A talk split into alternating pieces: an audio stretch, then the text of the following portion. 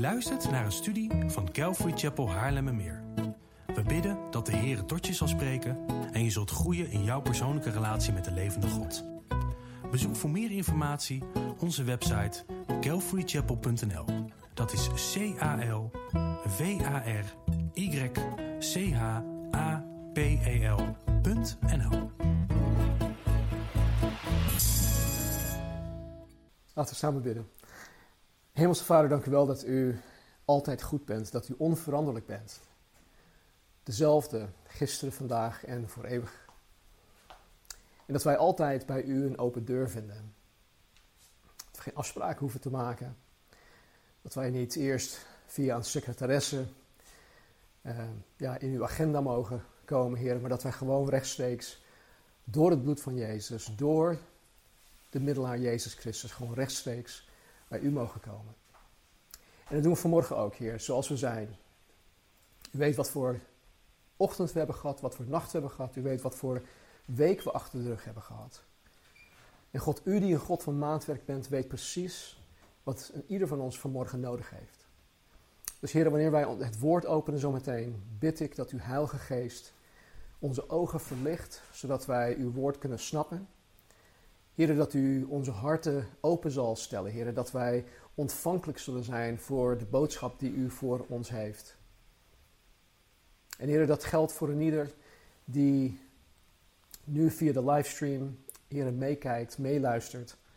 Het geldt ook voor degene die straks na de livestream um, ja, op YouTube of op uh, onze website, Heer, de preek gaan beluisteren.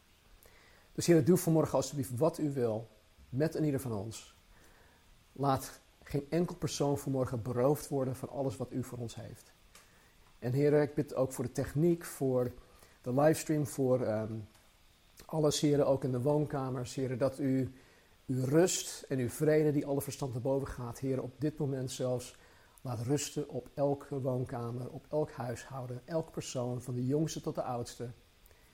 Heer, dat alle kinderen, kleintjes die ook meekijken, Heer, ook, ook rust zullen hebben in hun hart. Doe een bovennatuurlijk werk in elke woonkamer. En doe, Heer, wat u, wat u behaagt. Dat we in Jezus' naam. Amen. Een kraak? Oké. Okay. Oké. Okay. Ik hoor net dat er een kraak in het geluid zit. Nu nog steeds? Nee, het is heel af en toe. Het is heel en toe, oké. Ik moet mijn baard scheren, denk ik. Nou, goedemorgen en um, hartelijk welkom wederom op deze livestream eredienst van de Calvary Chapel Haarlemmermeer. Uh, ook een welkom aan alle jongens en meisjes die er in de woonkamers bij zitten. Uh, als het goed is hebben jullie een leerblad van Kees en Lianne van de week ontvangen, dus doe je best om dat ook in te vullen uh, met elkaar. En uh, ja, leid vooral je, je, ja, je broertjes, zusjes niet af en je ouders ook niet. Nou, als de versoepeling van de maatregelen rondom de coronacrisis zich doorzet, dan zullen wij um, Deo Valente 5 juli, denk ik, zondag weer fysiek samenkomen aan de Sanderstein 42 hier in Nieuw-Vennep. dus houd dat alsjeblieft in gebed. Um, vandaag hebben we een aantal ja, mooie dingen die ik met jullie mee kan delen. Ten eerste is Calvary Chapel Flevoland. Die bestaat vandaag voor een jaar. Vorig jaar was de zondag, deze zondag, op 12, viel op 12 mei. Vandaag is het dan 10 mei. Maar zij vieren vandaag dan ook virtueel hun eenjarig bestaan. Dus als je contact wil opnemen met Joanny of met iemand van die gemeente, doe dat alsjeblieft. Feliciteer hen. Dat zullen ze echt gaan waarderen. Wat ik ook nog wil zeggen is dat wij ja, blij verrast zijn met de, um, de deelname aan de, um, aan de online home fellowships. Uh, waar wij voorheen bijvoorbeeld een kerngroep hadden van circa 10, 12 mensen die wekelijks in uh, Nieuw-Vennep samenkwamen. Er zijn er nu 42 mensen die elke week um, ja, meedoen. Die meedoen aan een huiskring, een virtuele huiskring, via Zoom of via Teams. Um, en ja, dat is een, gewoon een gigantische zegen, want we zijn van 10 à 12 mensen gegroeid naar 42 mensen. 42 mensen die in vier verschillende groepen dan meedoen. Uh, Marnie en ik die leiden dan een, uh, een Engelstalige groep voor degenen die niet, die niet Nederlands spreken. En dan heb je ook nog Casper die een groep leidt, um, Kobus die een groep leidt en Taco die een groep leidt. En ja, het is gewoon geweldig om deze ontwikkeling te zien. En ik, ik geloof dat wanneer wij mogen starten in, in, in juli, dat wij dit gewoon willen voortzetten. Want het is nu al zo'n groot zegen. Um, wanneer wij in juli, of als wij weer in juli fysiek in het gebouw samenkomen, uh, willen wij ook doorgaan met het livestreamen. Het livestreamen van deze diensten, alleen dan niet vanuit André's woonkamer, dan vanuit het gebouw. En hiervoor moet het een en ander technisch geregeld worden. Ik hoop dat ik de komende week of de komende weken al die technische dingen voor elkaar kan krijgen. Uh, wat hiervoor ook nodig is, en waar ik jullie hulp bij nodig heb, is een speciaal team die zich specifiek inzet op het uh, bedienen van het beeld en geluid. Uh, die, het, uh, ja, die zich specifiek inzet eh, op de programmatuur, de apps, de computerprogramma's van de livestream en de, van de projectie en dat soort dingen. En dat, ja, dat gebeurt nu, nu allemaal op een, op een Mac. bij deze dus de, de oproep om je hiervoor in te zetten tot dienst van de Heer en zijn gemeente. En als je hiervoor wil opgeven, of als je hierover vragen hebt, uh, neem contact op met André de Haan of met mij. En dan zullen we ja, vanaf dat moment ook gewoon verder gaan. Um, vandaag is Moederdag. En ik wil iedere moeder persoonlijk danken voor jullie moederschap. Uh, mijn petje af. Als ik een petje op had, dan zou ik mijn pet nu afnemen voor um, de moeders. Um, Zoals de meeste van jullie weten heb ik sinds februari geen moeder hier op aarde meer. Maar mijn vrouw Marnie is dan wel de moeder van onze vier dochters. De moeder van onze schoonzoons en de grootmoeder, de oma van onze zes kleinkinderen. En hiermee wil ik zeggen dat ik Marnie ontzettend waardeer als moeder en grootmoeder. En ik hoop dat jullie mannen die vrouwen hebben die ook moeder zijn, ook jullie vrouwen waarderen. En dat te laten blijken door vandaag iets liefs en bijzonder met hen te doen. Dat wordt eigenlijk elke dag, maar goed, vandaag is het gewoon dat iedereen dat doet. Dus verras je vrouw vandaag. Dus heer, ik, bid ook dat u alle moeders vandaag ook in het uh, ja, bijzonder zal zegenen. Nou, vanmorgen wijken we een beetje af uh, van onze preekserie Route 66. En wij gaan dieper in op één hoofdstuk um, van het boek dat, ja, dat we afgelopen zondag in Vogelvlucht hebben doorgenomen, namelijk 2 Samuel. Ik zei in de vorige studie dat 2 Samuel uh, wellicht het meest belangrijke hoofdstuk is in de hele Bijbel. En de reden daarvoor zullen we zo meteen zien wanneer wij het woord gaan openen. Dus uh, sla je Bijbel alsjeblieft open op 2 Samuel hoofdstuk 7. Ik zal de teksten ook gewoon via de slides uh, projecteren, maar ik, ik, ik, merk dat wij wat technische problemen hebben met het, het laten zien van de slides. Er zit soms een vertraging in, dus heb je Bijbel in ieder geval uh, bij de hand. Dus 2 Samuel, hoofdstuk 7. Er staat: En het gebeurde toen de koning in zijn huis zat en de Heere hem rust gegeven had van al zijn vijanden rondom, dat de koning tegen de profeet Nathan zei: Zie toch, ik verblijf of ik verblijf in een huis van cederhout, terwijl de ark van God te midden van tentdoek verblijft. Nathan zei tegen de koning: Ga uw gang, doe al wat in uw hart is want de Heere is met u. Tot zover. Koning David had in, in hoofdstuk 6 hè, de ark van het verbond uh, naar Jeruzalem toegehaald, waardoor alles op dit moment uh, in de tabernakel gewoon compleet was. Maar terwijl David op dit moment in zijn prachtig paleis zat, en, en toen hij, terwijl hij genoot van die, die heerlijke geur van, van cederhout, uh, dacht hij dat het niet eerlijk was dat hij in zo'n luxe paleis woonde en als het ware God in zijn achtertuin in een tent zat. En de profeet dacht dat dat een goed idee was. En, en ja, hij gaf, David, hij gaf David zijn zegen. Maar Nathans antwoord was voorbarig. Hij, hij antwoordde David vanuit uh, menselijk inzicht en vanuit gezond verstand, wat op zich niet slecht is, maar in dit geval uh, had hij het gewoon mis. He, wat, wat wij in het gesprek tussen Nathan en David vooral missen, is dat nog koning David, nog de profeet Nathan ervoor gebeden hadden. Het was een goed idee, maar geen van beiden hadden hiervoor gebeden. Geen van beiden hadden God hiervoor of hierover geraadpleegd. Uh, vers 4 tot en met 7. Maar in die nacht gebeurde het dat het woord van de Heer tot Nathan kwam. Ga en zeg tegen mijn dienaar, tegen David. Zo zegt de Heer, zou u voor mij een huis bouwen, voor mij om in te wonen? Ik heb immers niet in een huis gewoond van de dag af dat ik de Israëlieten uit Egypte deed optrekken tot deze dag toe, maar ik ben in een tent, in een tabernakel rondgetrokken. Heb ik ooit overal waar ik met al de Israëlieten rondtrok een woord gesproken tot een van de stammen van Israël, die ik bevolen had mijn volk Israël te wijden? Waarom bouwt u voor mij geen huis van cederhout? Kijk, God geeft hier duidelijk aan dat, dat hij al die tijd al, dus zo'n zo'n 400 jaar lang, ruim 400 jaar lang, in een tent, in de tabernakel heeft gewoond. Hij gewoond.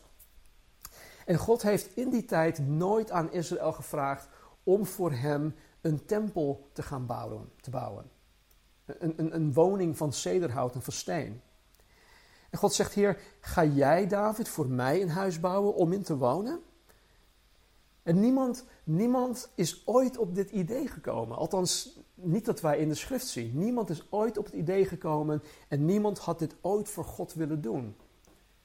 Vanuit de Bijbel zien we dus alleen dat, dat David dit doet. David wil dit doen. David stelde dit voor. En wat wij hieruit kunnen halen, wat wij hieruit kunnen leren, is een, is een stuk, stukje inzicht tot het hart van David. Er staat nergens in de wet van Mozes dat een koning een tempel voor God moest bouwen. Het idee om een tempel te, uh, voor God te bouwen was dus niet een, een, een verplichting. En maar het was iets, dat, dat, iets speciaal dat David uit liefde voor God en dankbaarheid aan God wilde doen. En wat ik hieruit leer is dat David bereidwillig was om meer voor God te willen doen dan zich alleen maar houden aan de letter van de wet. David was, was God zo ontzettend dankbaar. Zo dankbaar voor alles dat God voor hem gedaan had. Dat de vraag dat continu vanuit zijn hart opkwam was: wat kan ik nog meer voor God doen? Wat kan ik nog meer voor God doen? David was zo vol dankbaarheid en zo bezig met de verheerlijking van God dat hij iets bijzonder voor God wilde doen. En weet je, als ik om me heen kijk, dan is het vaak, uh, vaak zo dat, dat men het absolute minimum voor God over heeft. Dat men het absolute minimum voor hem wil doen om alsnog een, een goede christen te kunnen zijn. En met andere woorden, tot hoe ver kan ik gaan in het niet gehoorzamen van het woord van God? Of tot hoe ver kan ik gaan in het blijven doen van mijn eigen ding, voordat ik die grens overschrijd, waardoor ik God niet langer lief heb met heel mijn hart, ziel, kracht en verstand? Oftewel, wat zijn de minimumeisen om een, een goede christen te zijn? want alleen dat heb ik ervoor over. Of alleen daar heb ik tijd voor, niet meer. Maar zo dacht David totaal niet. Hij wilde meer voor God doen, meer dan wat God zelfs van hem vroeg.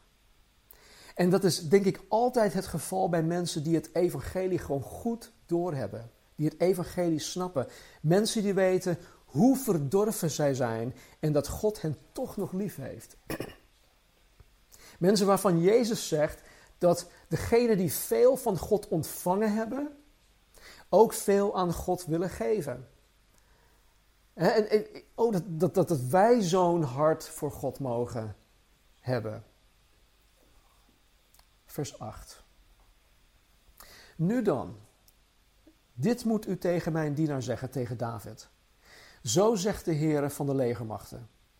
Ik heb u van de schaapskooi vandaan gehaald van achter het kleinvee, om een leider over mijn volk te zijn, over Israël. Ik was met u overal waar u heen ging en heb al uw vijanden voor uw ogen uitgeroeid. Ik heb een grote naam voor u gemaakt, zoals de naam van de groten die op aarde zijn.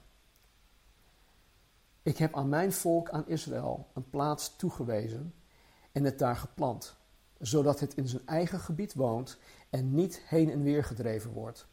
En onrechtvaardige mensen zullen het niet meer verdrukken zoals vroeger. En sinds de dag waarop ik richters aangesteld heb over mijn volk Israël. Maar ik heb u rust gegeven van al uw vijanden. Ook maakt de Heere u bekend dat de Heere voor u een huis zal maken. Tot zover. Ja, er is, er is een geestelijke principe dat stelt dat een wedergeboren kind van God nooit kwantitatief en kwalitatief meer aan, aan de God van de Bijbel kan geven dan dat God aan hem of haar geeft of heeft gegeven. En in het Engels zeggen we: You cannot outgive God. En God zal nooit bij de mens in het krijt staan. En, en dit principe zien wij duidelijk in, in wat God in deze verse tegen koning David zegt. God zegt tegen David: Jij wil voor mij een huis bouwen? Laten we even kijken naar wat ik reeds voor jou heb gedaan. Sterker nog, kijk naar wat ik nog voor jou ga doen. De Heere maakt u bekend, staat er, dat de Heere voor u een huis zal maken. Dus, dus God draait het om en God benadrukt wat, wat hij voor David zal gaan doen. God zal voor koning David geen huis van baksteen en mortel gaan maken, maar een huis dat voor eeuwig zal blijven bestaan. En dat wil zeggen dat God voor David een eeuwig blijvend dynastie, een voor eeuwig blijvend vorstenhuis zal gaan, bouwen. Het huis van David.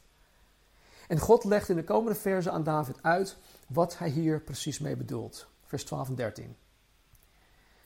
Wanneer uw dagen voorbij zijn en u met uw vaderen ontslapen bent, zal ik uw nakomelingen na u, die uit uw lichaam voorkomt, doen opstaan. En ik zal zijn koningschap bevestigen. Die zal voor mijn naam een huis bouwen.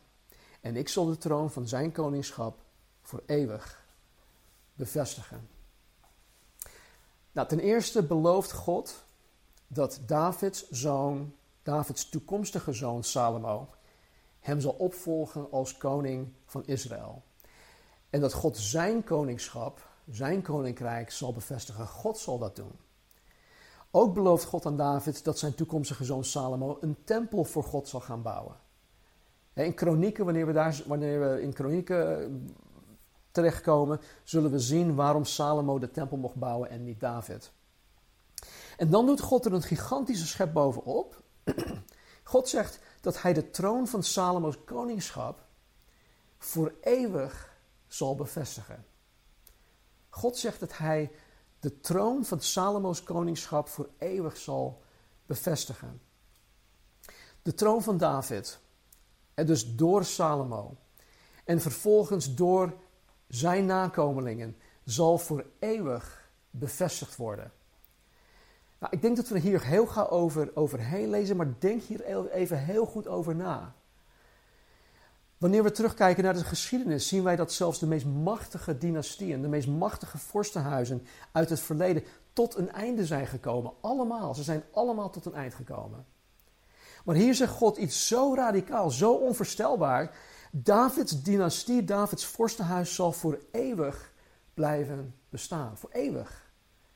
En dit is dus iets bovennatuurlijk. En het is, het is iets dat alleen de God van de Bijbel kan zeggen en ook waar kan maken. Niemand kan dit doen. Er zijn zoveel mensen die, die door de geschiedenis heen dit hebben getracht te bereiken. En nu nog steeds. Maar alleen God kan dit doen. Vers 14 en 15. Ik zal hem, dus tot Salomo, een vader zijn, zegt God. En hij zal mij tot een zoon zijn. Wat wil zeggen, als hij, de Salomo, zich misdraagt, zal ik hem terechtwijzen met een stok als van mensen en met slagen als van mensenkinderen.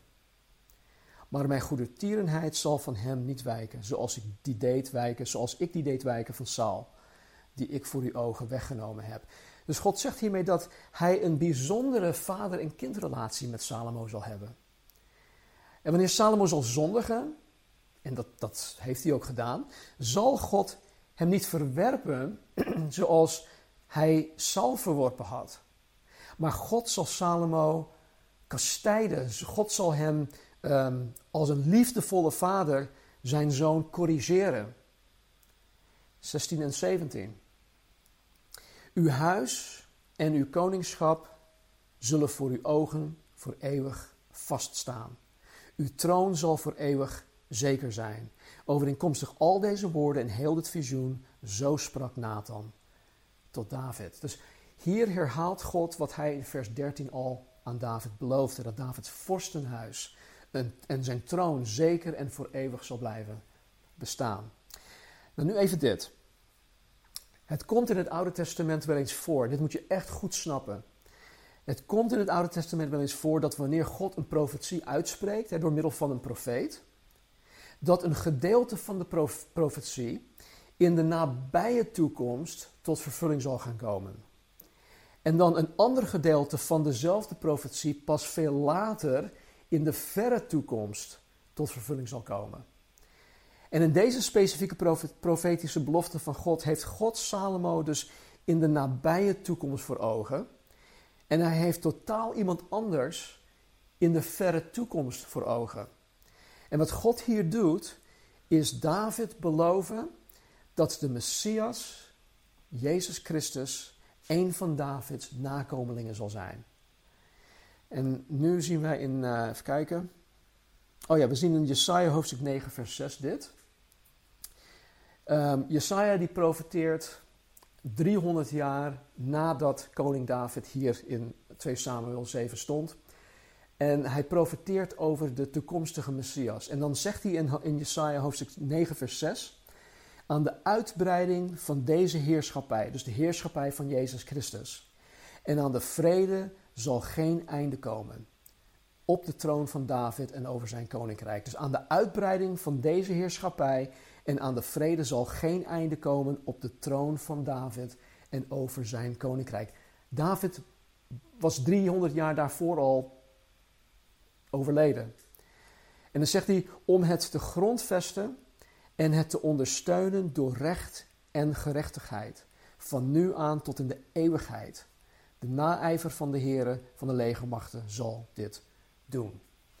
Dus nogmaals, Jesaja profeteert zo'n 300 jaar na Gods verbond met koning David, in 2 Samuel 7. En zo'n 700 jaar voor de geboorte van Jezus Christus over Jezus en over zijn eeuwige heerschappij. En wat natuurlijk opmerkelijk is in deze profetie, is dat Jesaja de troon van David noemt. Dit was dus 300 jaar nadat David, koning David al was overleden. En toch noemt uh, Jesaja de troon van David.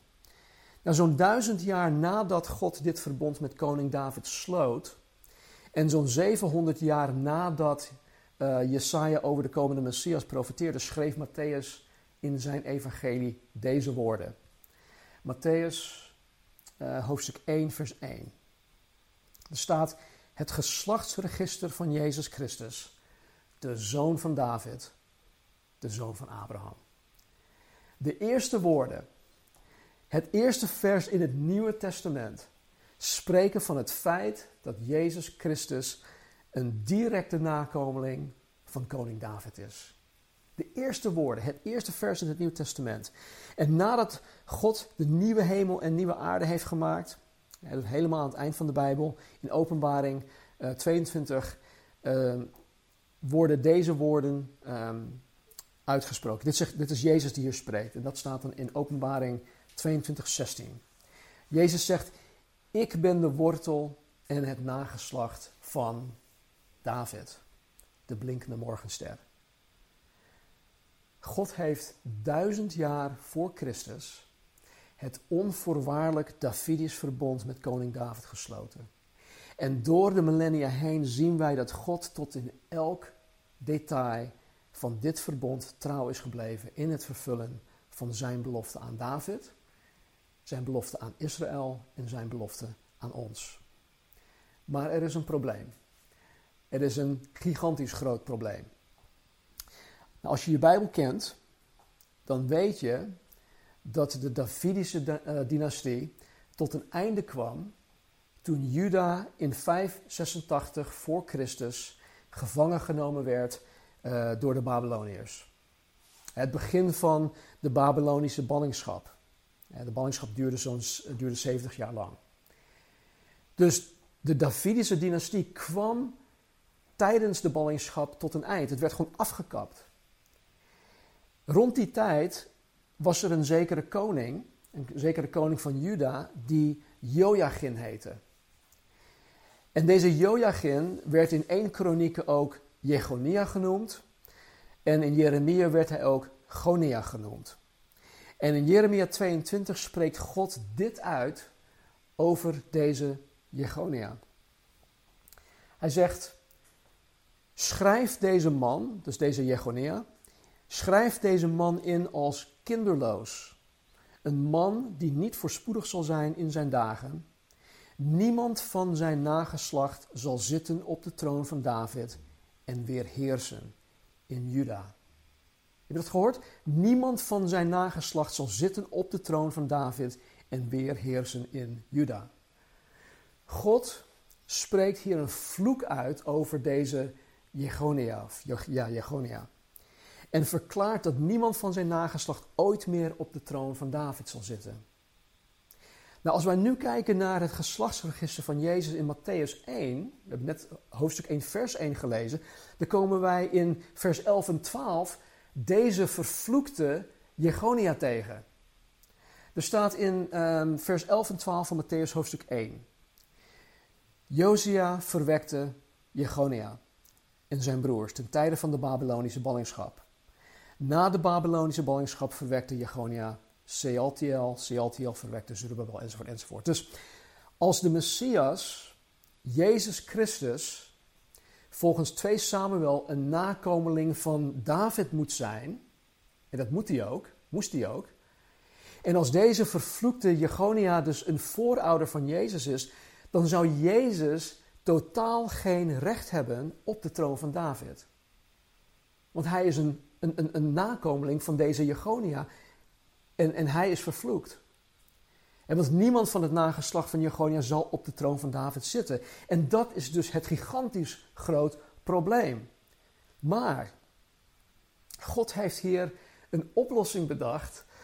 Ehm, ja, dat, ja, er zijn geen woorden voor. We kunnen het geniaal noemen, maar dat, is gewoon, dat schiet zelfs tekort. Het is zo'n geweldige oplossing. Woorden schieten gewoon tekort. Blijf bij de les. Het geslachtsregister in Matthäus.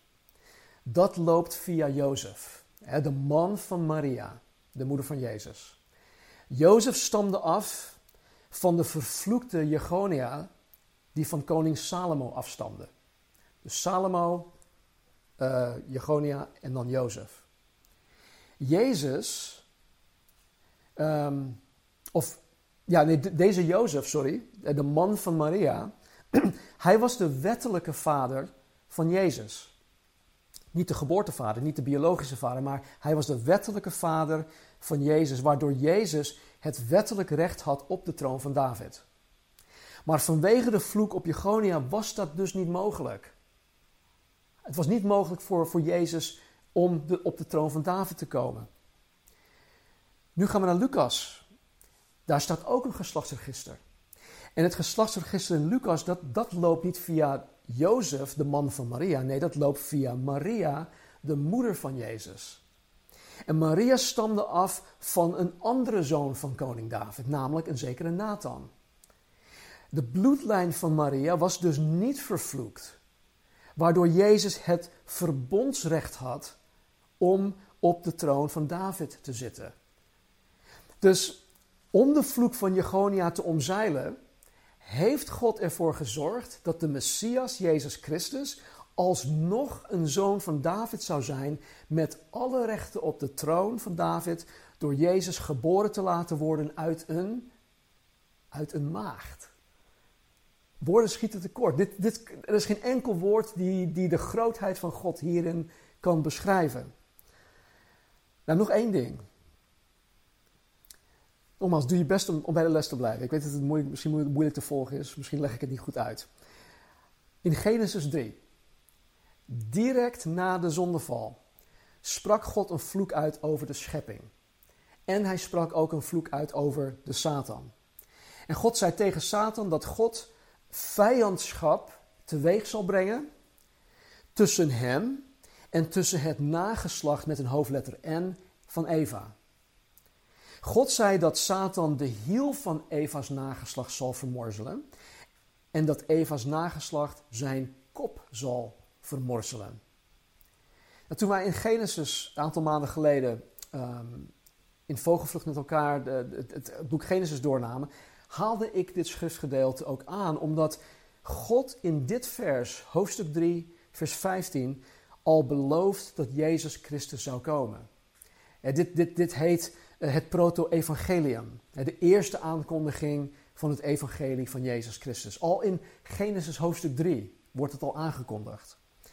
En het vermorzelen van de kop van Satan door Jezus Christus betekent dat Jezus uiteindelijk de macht van Satan af zal nemen. De Bijbel noemt Satan nu nog steeds de heerser van deze wereld, de heerser van dit tijdperk. Maar uiteindelijk zal Jezus de macht van Satan afnemen. Dit heeft Jezus gedeeltelijk gedaan door zijn dood aan het kruis en door zijn opstanding uit de dood. En dit zal geheel klaar zijn wanneer Satan in openbaring 20 in het poel van vuur en zwavel uh, geworpen zal worden. Dan is het gewoon echt einde oefening voor Satan. Maar Satan wist dus vanaf Genesis 3, toen God dat uitsprak, dat zijn bestaan ja, tot een einde zou komen. Dat uh, zijn bestaan gewoon, dat het werd bedreigd. Dus hij is er vanaf Genesis 3 erop uit om Gods plan om de Messias te laten regeren tegen te houden. Dat is het enige wat hij voor ogen heeft. Ik moet Gods plan, Gods reddingsplan met Israël, met de Messias, via de Messias, dat moet ik kosten wat kost tegen zien te houden. En Satan wist dat de Messias een mens zou zijn, iemand die God zelf gekozen heeft. Dus Satan ging vanaf Genesis 3 al meteen te werk om Gods plan te verijdelen.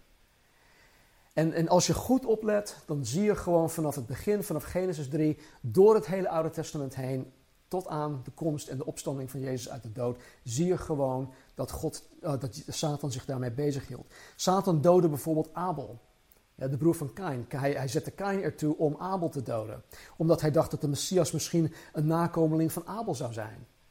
En Satan bedierf de, de mensheid, waardoor God de mensheid door middel van de zonvloed moest vernietigen. Satan probeerde door de eeuwen heen Abraham, Isaac, Jacob en Israël uit te roeien. Hij misleidde zelfs en verleidde zelfs Salomo en ga zo maar door. Satan zit daarachter. Maar niet alleen dat. Satan heeft niet alleen getracht de Messias te doden, of de lijn van de Messias uit te roeien.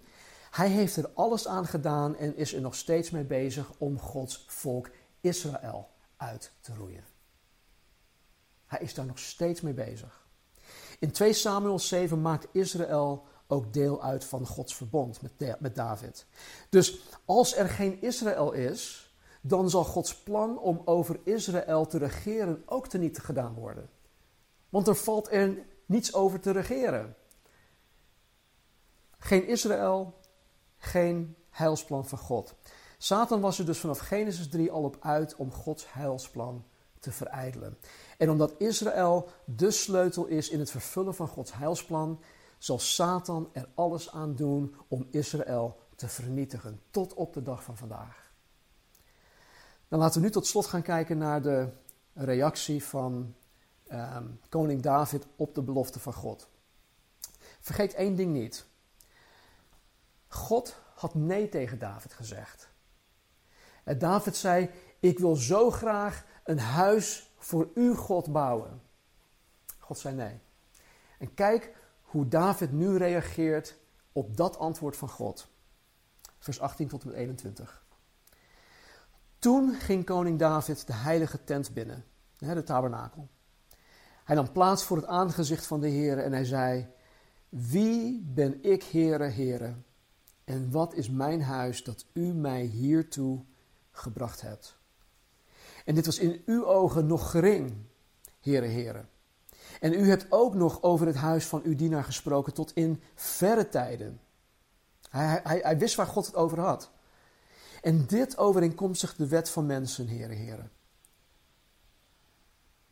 En even kijken, en wat zal David nog meer tot u spreken? U kent uw dienaar immers, Heere, Heere. Omwille van uw woord, omwille van uw woord en naar uw hart hebt u al deze grote dingen gedaan en aan uw dienaar bekendgemaakt. Nou, wat een, wat een nederige houding van, eh, van David. Wat een, een hartsgesteldheid heeft hij toch. Hij zegt niet, nou joh, het, het wordt dus een keertje tijd dat ik uh, eindelijk beloond word voor alles wat ik voor u gedaan heb. En vaak hebben wij een, een, een, het, idee dat God ons iets uh, verschuldigd is. Ja? Verschuldigd is. want ik ben vanuit Californië helemaal hier naar Nederland toegekomen. Ik, ik heb alles opgegeven daar. Dus ja, ik heb nu recht op dit, dit en dat. Maar nee, zo werkt dat niet. Zo is dat niet. Wie ben ik? Wie ben ik, Heere, Heere, dat u mij tot hiertoe gebracht hebt? En dit is altijd de juiste houding naar God toe wanneer God ons genadig is en wanneer God ons rijkelijk zegent. Uh, vers 22 tot en met 24. Daarom bent u groot, Heere God, want er is niemand zoals u. En er is geen God dan u alleen, zoals blijkt uit alles wat wij met onze eigen oren gehoord hebben. En wie is als uw volk Israël? Het enige volk op de aarde dat God is gaan verlossen om voor hem een volk te zijn, om zich een naam te maken voor u, Israël, deze grote en ontzagwekkende dingen te doen. Voor uw land. Sorry, voor uw land. Voor de ogen van uw volk, dat u voor uzelf uit Egypte, verlost hebt van heidevolken en hun goden. U hebt uw volk Israël voor eeuwig voor uzelf bevestigd als uw volk. En u, heren, bent hun tot een God geworden. Nu dan, heren. Nu dan, Heere God, laat dit woord dat u over uw dienaar en over zijn huis gesproken hebt, voor eeuwig bestaan. En doe zoals u gesproken hebt. En laat uw naam tot een eeuwigheid groot gemaakt worden door te zeggen: De Heere van de legermachten is God over Israël. En het huis van uw dienaar David zal zeker zijn, zal zeker zijn voor uw aangezicht. Want u, Heere van de legermachten, God van Israël, u hebt voor het oor van uw dienaar onthuld. Ik zal voor u een huis bouwen. Daarom heeft uw dienaar vrijmoedigheid gevonden dit gebed tot u te bidden. Kijk, nadat God dit onvoorwaardelijk verbond met David sloot, doet David iets dat ook wij moeten leren doen. David doet beroep op het woord dat God tot hem gesproken had. David doet beroep op het woord dat God tot hem gesproken had. Hij kaatst de bal als het ware aan God terug en zegt met vrijmoedigheid dat God nu datgene moet doen wat God hem had beloofd. Dat is het gebed. En behalve dat jij misschien de belofte van God in je Bijbel onderstreept, wat doe jij met die belofte van God? Wat doe jij met de belofte van God? Doe jij beroep op de belofte van God? als je bijvoorbeeld weet uit 2 Petrus 3 dat God absoluut niet wil dat mensen verloren gaan, maar dat allen tot bekering komen. Als jij dat weet, hoe bid jij dan tot God voor degene die Jezus nog niet kennen? Hoe bid jij dan tot God voor degene die Jezus nu nog niet navolgen? Vraag je aan God dat, ja, als Hij het misschien wil, dat Hij jouw geliefde eventueel zou willen redden, zou je dat misschien alsjeblieft doen, God? Nee, dat is een passieve vorm van gebed. Wij mogen beroep doen op het woord van God. Wij mogen tegen God zeggen: Uw woord, God, verklaart dat u wil dat niemand verloren gaat, maar dat iedereen tot bekering komt. Laat die en die persoon dan alstublieft niet verloren gaan. En schenk die en die alstublieft bekering. Wij mogen conform het woord van God vrijmoedig zijn in de dingen die wij van God vragen. Want God heeft het zelf gezegd. Jullie ouders die kleine kinderen hebben of die kleine kinderen hebben gehad. Als je ooit iets tegen je kind hebt gezegd van joh, als je dit doet, dan krijg je straks dat. Nou, ze hebben dat gedaan. Wat is het eerste wat zo'n kind tegen de ouder zegt? Hé hey, papa, mama, u hebt gezegd dat dit, dit en dat. Nou, zo moeten wij ook met God omgaan. God, u heeft gezegd. Wij mogen dat doen. Wij mogen met vrijmoedigheid deze dingen aan God vragen. Maar kijk nu hoe David dit principe toepast in vrijmoedigheid. Maar tegelijkertijd ook in alle nederigheid. Nu dan, heren. De laatste twee versen. Nu dan, heren, heren, u bent die God en uw woorden zijn waarheid. En u hebt dit goede tot uw dienaar gesproken. Mogen het u dan nu behagen het huis van uw dienaar te zegenen, dat het voor eeuwig voor uw aangezicht zal zijn, want u, Heere, Heere, hebt het gesproken, en met uw zegen zal het huis van uw dienaar voor eeuwig gezegend worden. David had zo'n nauwe relatie met de God van de Bijbel. Hij wist hoe hij met God om kon gaan. Hij wist dat hij nederig en klein en, en, en met, met verootmoedigheid naar God kon gaan, toe kon gaan. Maar lees de psalmen. David die, die stortte zijn hart ook uit over God, naar God toe. David die ging alle kanten op met zijn emoties naar God toe. Dus wij mogen, wij mogen met vrijmoedigheid de troon van God als het ware bestormen. Niet om dingen uh, af te dingen of, of een deal te maken met God, maar wij mogen wel met vrijmoedigheid beroep doen op datgene dat God ons al heeft beloofd. En, en we zien hier, duizend jaar voordat Jezus op het toneel kwam, dat God David had beloofd dat God hem een eeuwige troon zal geven. En dan zien wij door die duizend jaar heen, tot, tot, tot, het moment dat Jezus kwam, want hij heeft het weer opgepakt waar uh, de lijn van David eigenlijk afgekapt werd tijdens het Babylonische uh, ballingschap, werd het door Jezus weer opgepakt. En dan zien wij door de evangeliën heen, door, de tijdperk, door het tijdperk van de kerk heen, tot op de dag van heden, dat God nog steeds bezig is met de troon van David. Jezus regeert nog steeds vanaf de troon van David. En dan zien wij helemaal aan het eind in Openbaring 22 dat Jezus nog steeds ja, op de troon van David zit. Dus laten we bidden. Heere God, dank u wel dat u zo nauwkeurig uw woord hebt neergezet. Dank u wel, Vader, dat u, ja, dat u uzelf ook duidelijk wil maken.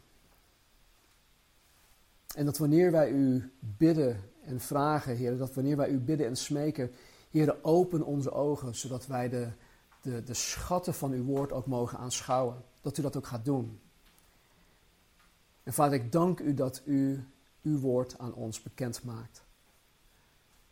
Dus Heer, wat dit ook voor wie dan ook vandaag heeft te betekenen, laat uw heilige, uh, uw heilige geest dit woord in de harten van ieder persoon bevestigen. Laat het doen wat u behaagt. Het doel wat u vandaag met deze boodschap heeft, heren. Laat uw woord tot dat doel komen. Met ieder persoon afzonderlijk en ook, heren, als plaatselijke gemeente. Dus heer, ik dank u. Als iets nog niet duidelijk is, maak het duidelijk. En, en, en, gebruik deze studie dan ook om mensen aan te sporen om dingen gewoon uit te gaan zoeken. Zodat ze als David kunnen zeggen: Ik, ik verheug mij in uw woord als iemand die rijke buit vindt. Iemand die een rijke schat vindt. Dus Heer, doe uw werk vandaag in en ieder, vanaf de jongste tot de oudste. Maak Jezus Heere van ons leven. Vragen in Jezus' naam. Amen. André en uh, Joram die gaan nog een slotlied uh, voor ons, met ons zingen. Maar ik wil nog afsluiten met een uh, aantal versen uit Romeinen.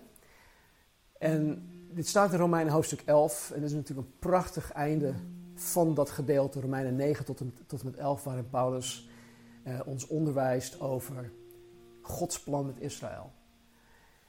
En dan zet hij zoveel prachtige dingen uit over, ja, over Israël. En dan heb je ook weer zoiets van: man, woorden schieten gewoon tekort. Voor wat betreft hoe groot en hoe machtig en hoe wijs en hoe gaaf en geniaal God is. Om dit allemaal te gaan bedenken. Maar dit zijn dan de woorden van Paulus terwijl hij zit na te denken over Gods plan met Israël. En dan zegt hij: Hoe onpeilbaar is toch Gods rijkdom, wijsheid en kennis? Hoe ondoorgrondelijk zijn zijn beslissingen? Hoe onnaspeurlijk zijn wegen? Want wie kent de gedachten van de Heer? Wie kan hem raad geven? Of wie kan vergoeding vragen voor wat God of voor wat Hij God heeft gegeven? Want alles komt van God en alles bestaat door Hem en voor Hem. Aan Hem is de eer in alle eeuwigheid. Amen. Dus ik wens jullie een gezegende zondag toe. In het bijzonder ook alle moeders. Ik wens jullie een gezegende week toe. Bid voor uh, begin juli dat wij weer samen mogen komen. Bid ook voor uh, jouw rol in het speciaal team voor beeld, geluid en livestream apparatuur en software. En uh, vergeet vandaag ook alsjeblieft niet een berichtje te sturen naar iemand van Calvary Chapel Flevoland om hun jouw zegen toe te wensen. Dus God zegen en laten we samen zingen.